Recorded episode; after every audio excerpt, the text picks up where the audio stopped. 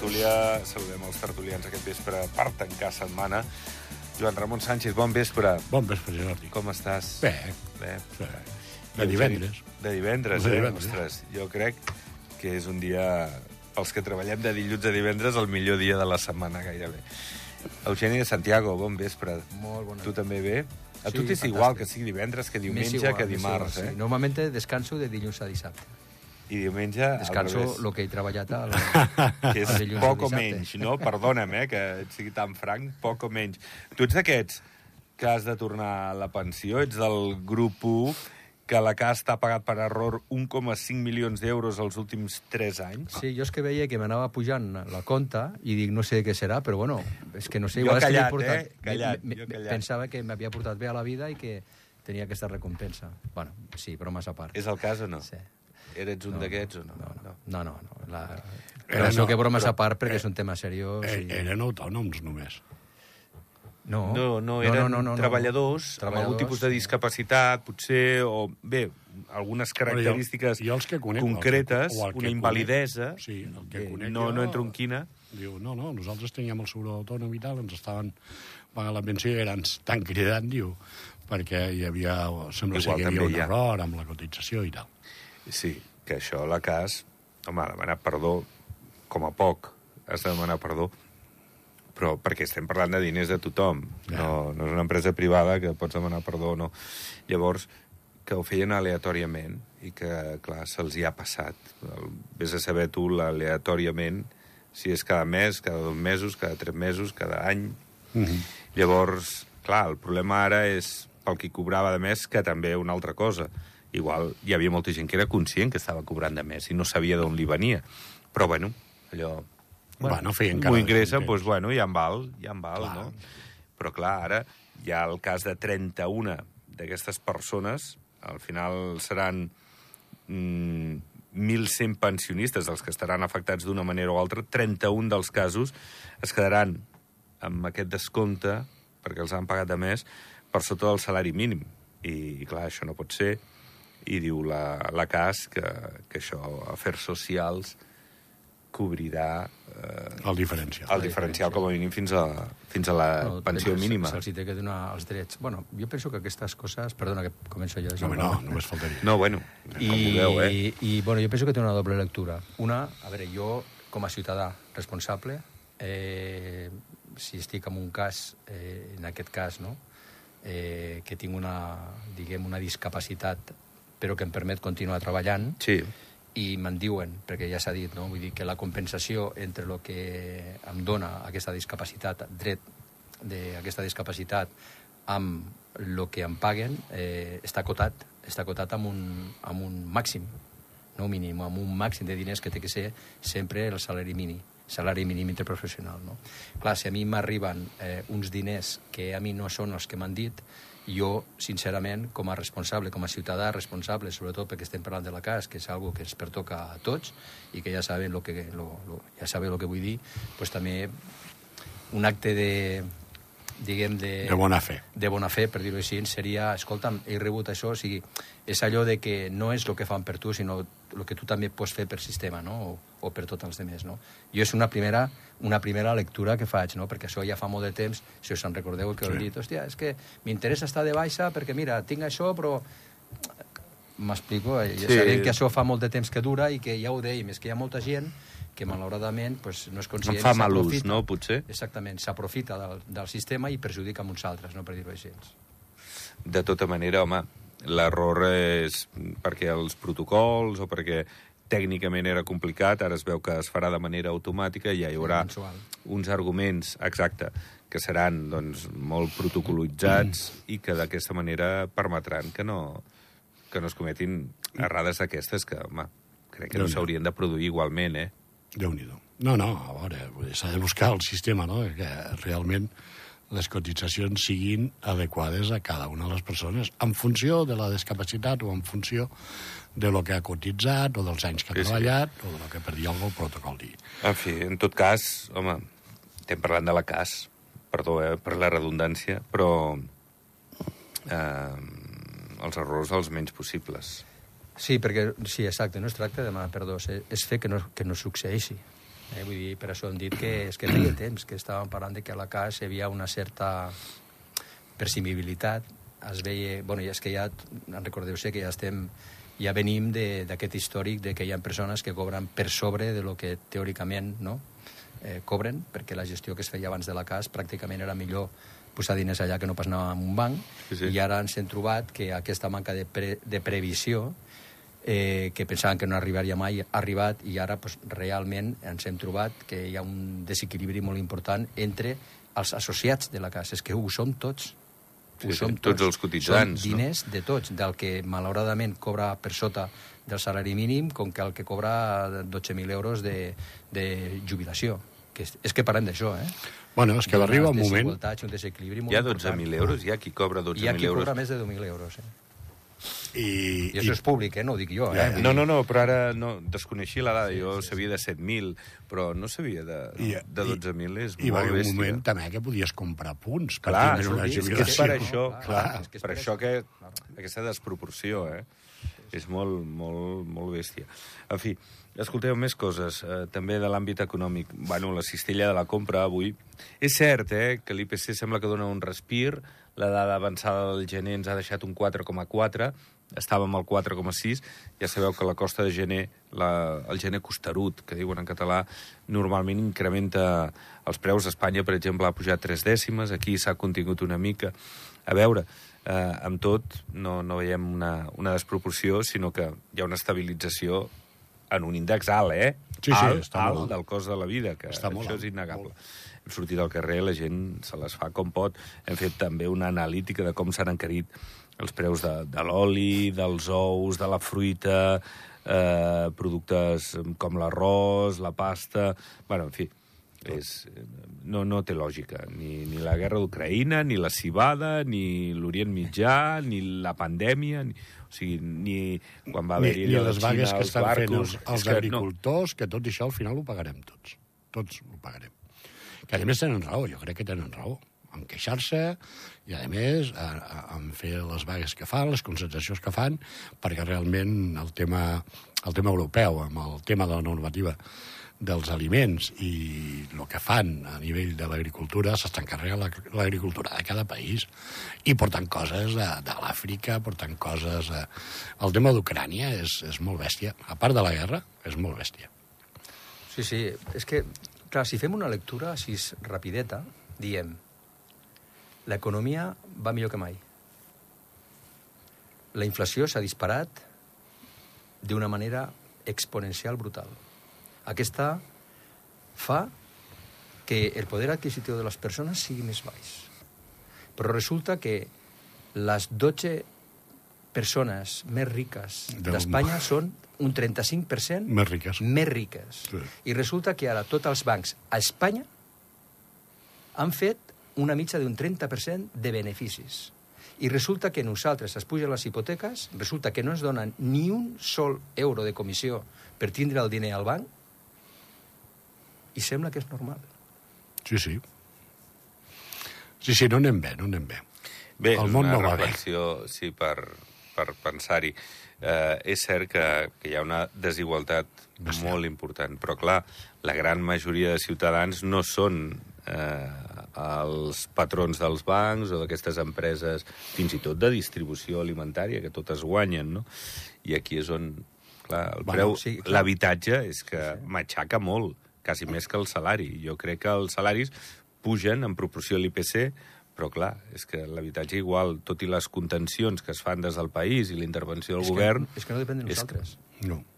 Clar, Malauradament, malauradament, no depèn de nosaltres. És com una gran acció, és, és el famós globalisme, no?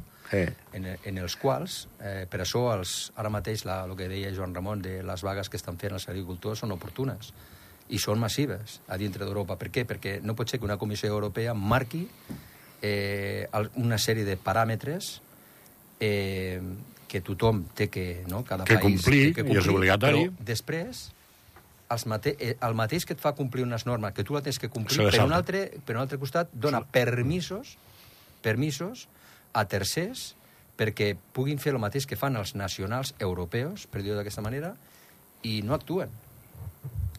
Ja. Per això el poble està parlant, i està actuant, i, clar, lògicament, sortirà d'aquí, sortirà una reflexió. Bueno, ja ha sortit, eh? Sí. El primer ministre francès mm, ha parlat molt bé, la veritat és que no ha parlat malament. La Ségolène Royal no, però el ministre francès sí. Però és que a dintre del context europeu ja han posat com a punt del dia eh, el primer debatre aquest tema i donen la raó de lo que està passant i que tenen que canviar les maneres de procedir i adaptar-les realment a les normatives. Però Tenen de el canviar que... els interessos dels parlamentaris, de molts parlamentaris que hi ha a la comunitat europea, en funció dels interessos de cada membre de la comunitat.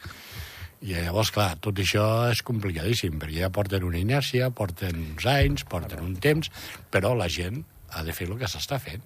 Bloquejar, agafar, Joan fer Ramon, vagues. has dit una cosa abans Sí, sí, molt interessant. Què, què, què passa? O sigui, ima, imagina, bueno, i també l'has dit tu, no? O sigui, hi ha l'excusa de la... L'excusa no, eh, perdó, no, no són les paraules correctes. Hi ha la guerra d'Ucraïna. I Europa s'ha volcat, perquè, bueno, si sent amenaçada i, bueno, pues hem posat a, bueno, la barrera a, a Ucrània i, bueno, en fi, això ja són decisions polítiques i, i militars i aquí no, no entraré. Però quina casualitat de que estem donant una quantitat mm, indigent de diners i 50.000 d'ajuda a milions, Ucraïna, 50.000 milions l'última que li estan donant. pues tu imagina't, sí, és veritat. Vale, pues ara, a partir d'aquí, resulta que, a més a més del diners que se'ls donen, a part d'altres elements de suport, és que, a més a més, eh, una de les principals indústries que té eh, eh, Ucraïna és, justament pues, és, és a nivell agroalimentari. Sí, sí, el blat. I ara resulta que és que han rescindit una sèrie de contractes que tenien a dintre del context europeu de terres àrides, de no, de no, de no, eh, de no plantar mm. i de no recollir, perquè hi ha un acord europeu de que tenim que comprar una quantitat enorme d'agricultura, A Ucrània. sobretot, sobretot Sí. del blat i tal, tot a Ucraïna. Mm. I els propis països europeus no poden plantar i no poden... I tot el blat d'Ucraïna, de qui és? No és els ucraniesos. No és dels ucraïnesos. Els ucraïnesos. És, hi, ha, hi ha un fons que és molt famós, el BlackRock. Rock, sí, sí. Ah, els americans. Sí. Sí, Va, Els eh, grans holdings. Però, bueno, que són, són, és una tertúlia de sí, reflexió. sí. no, no, ja, ja us veig, us veig reflexions, intensos, eh? Per ser divendres arribeu a final de setmana Home, molt, tota, molt actius, portem molt tota la setmana. Sí, sí, no, no teniu les neurones allò cansades, no, no. Escolta'm, i lo de l'habitatge que, que he introduït jo era perquè també a la Seu d'Urgell diu que s'ha incrementat un 12% el preu de l'habitatge l'any passat, des de la CUP, eh, regidors, doncs, mm, concretament la Núria Valls, eh, doncs diu que la política especuladora d'Andorra eh, està causant l'increment del preu de, dels lloguers i dels pisos de l'habitatge en general a la seu, perquè, clar, com que aquí no es pot viure, han de baixar la seu a, a viure, no? I, i que vale, vale ja la Generalitat que doni subvencions a, a l'aeroport i d'altres coses per Andorra, no? En fi, és una mica el mateix de cada dia, no? Però, però bé, què vull dir amb això? Que tot arreu hi ha problemes. Vull dir, no crec que la seu sigui molt diferent a Barcelona o a Sant Cugat o a Manresa o a eh, Puigcerdà, dic jo, eh? No sé. També el PIB de la Seu és un PIB bastant elevat amb tot el que és Catalunya, perquè fa frontera amb Andorra. Sí, sí. Ah, parlàvem de- d'establiments. Tens- tens les dues Mira, bandes. Mercadona, el senyor Juan Roig, segurament deu pensar, mira, la seu funciona bien. Sí, sí. Bueno, Igual ell- no sí. només per la gent de la seu. No, no, clar. exacte, però és que, clar, mira, això que dius, és que el senyor Roig està content a Mercadona, no? És que estan fent al costat de bombers dos supergrans, Sí. grans superfícies, Sí. que és Lidl, eh, perdó, Lidl i bon preu. I, i Lidl i bon preu. Esclats, No, bueno, Esclat, bon bon preu. preu. Esclat, bon bon preu, preu. que són dos monstruos. Sí, sí. Llavors, de lo que tenim nosaltres com a context de territori de la SEO, dels habitants que té, i de la dependència que hi ha a Andorra, que ja semblava que a Mercadona ja havien copat un Sí. percentatge i donaven un bon servei. Què és el que s'estarà treballant? Eh, quines perspectives n'hi ha de creixement? Mm, bueno, diguem-li com vulguem, perquè en un lloc com la Seu d'Urgell facin aquests moviments, que són moviments milionaris. I es necessita... Jo me recordo sempre que IKEA es volia posar a Andorra i no sé si us recordeu fa molts anys. Sí. I deien no, no es poden posar perquè les polítiques empresarials són posar-nos amb, amb ciutats que com a mínim tinguin 250.000 habitants perquè és aquí on realment es crea el cash flow i la interrelació comercial. Andorra no, no compleix perquè venen molt visitant O sigui, teniu 8 milions, 9 milions de visitants, però clar, no, no són compradors eh, efectius de... I es parlava d'aquí. Clar, si nosaltres a Andorra no hem pogut fer amb el moviment que tenim eh, en recordació de l'època de Decathlon i tot això, que no es podia pel moviment de, de, de persones... De, de Decathlon va engegar inclús un projecte. Mm. Sí, allà a Santa Coloma. Sí, sí, sí amb el Casany, amb el projecte Casany, no exacte. I no, I no van poder fer-ho perquè, entre altres, entre altres coses, és el moviment. És la, clar, jo soc, jo soc empresari i faig un compte d'explotació i ràpidament veig. I normalment aquests puestos no s'instauren a menys de 250.000 persones residents, no passants, residents. I en canvi ara la que s'està preparant a, a la Seu d'Urgell pues realment és... No, no, no compleix la norma. No sé, no sé, ja, ja veurem, eh? Sí, sí. Sempre que sigui pel benefici dels territoris i sigui pel benefici de donar treball, de, a veure, revitalitzar els sectors, doncs clar, No, doncs està de, molt bé, no? I, i de tindre una conveniència de preus i que Clar. realment això bé, arribi no? a l'usuari. Però, però, clar, són moviments que ara mateix, no sé, estem en un context d'espai i de temps i d'accions que és terrorífic. Avui m'he donat una volta per Andorra i realment dic, ostres, m'he trobat més, més nostàlgic que mai. Dic, és que no conec res. Me'n vaig pel centre d'Andorra, per Escaldes, i dic, és que els moviments que hi ha i en tan poc temps, la memòria, em costa recordar el que era saps? M'he tornat molt nostàlgic, no? I veig les persones com circulen i dic, home, estem en una nova Andorra. Sí, clar, I ara, per mi, clar. aquest context ja s'està com a ficant en les neurones, no? Per mi és un altre context que intentarem, jo penso que tots, de fer-ho el millor possible i tindrem una Andorra fantàstica, meravellosa i, i deixarem per les generacions futures el millor que puguem. Però Està- realment hi ha moments que ho dubto, eh? Justament per això ve tanta Hi ha gent. moments... Perquè tenim un país meravellós, un país segur, un país guapo, uns paisatges, unes muntanyes, i això el que fa és cridar de que la gent vingui perquè realment, indistintament del tema econòmic, eh? Vull dir, tots sabem que tot el que són residències noves, passives i tal, ho fan amb un interès, diguéssim, de pagar menys fiscalitat, però a part d'això, la gent és que s'hi troba bé. Vull dir, a la gent li agrada. Jo he estat amb un estranger avui en una reunió i justament m'ho estava dient. Diu, és que he vingut i estic encantat. Diu, m'encanta aquest país. Ja he tirat endavant una societat, mirarem a veure... Per cert, que em sembla que la moratòria d'inversió estrangera... Ja està aixecada, Ja està aixecada. aixecada. A partir d'ahí ja ja han ficat els paràmetres i els percentatges que han de pagar. El que Home, sigui, però el Joan Ramon, sí, però jo faig una reflexió, eh? I la dic amb el bon sentit, eh? Sí, sí. Sense cap ànim de, de res, no? Per la responsabilitat de dir les coses amb un mitjà així, no? Eh, és que a vegades dic, ostres, estem fent un fantàstic país i tenim un fantàstic país, però em fa por de que no sigui un gran país pels de fora i no ho sigui tan bo pels que estem a dintre. Tenim un problema greu amb tot això, que s'ha de solventar i, realment està costant, que és el tema de la vivenda, i això és No, superimportant. vivenda i... I el tema i del salari coses, i el tema, diguéssim, de poder conviure entre el que és tot el tema turístic o tot el tema nou que han vingut, per l'interès que tinguin, i el tema dels de sempre i els de casa, a veure de quina manera poden estar còmodes, perquè en els últims anys els problemes Mm, Sí, són, aquesta, aquesta són jo, grossos. jo, sí, jo, jo penso que seria una reflexió justa de fer, no? que efecti, i tot, tot, tota la raó jo penso que és així, no? Eh, és com allò de morir d'èxit, no? Vull dir, esperem no morir d'èxit, no? Vull dir, no tenim que oblidar d'on venim, Sí, sí. on estem i on tindrem que estar. I, o sigui, tenim que, que mirar realment la nostra identitat. Ara més que mai és molt important mirar la nostra identitat. I, I I, l'acord- planifi i planificar quina Andorra volem d'aquí 25 anys. Clar, ara anava a introduir això. Quina Andorra Volem. tindrem en base al sí o al no de l'acord d'associació amb Brussel·les? Clau, clau. Serà clau, eh? Serà, si per tindre una Andorra o no. A veure, jo, jo obertament ja ho dic, eh? Jo em posiciono a favor de, de l'acord d'associació, eh?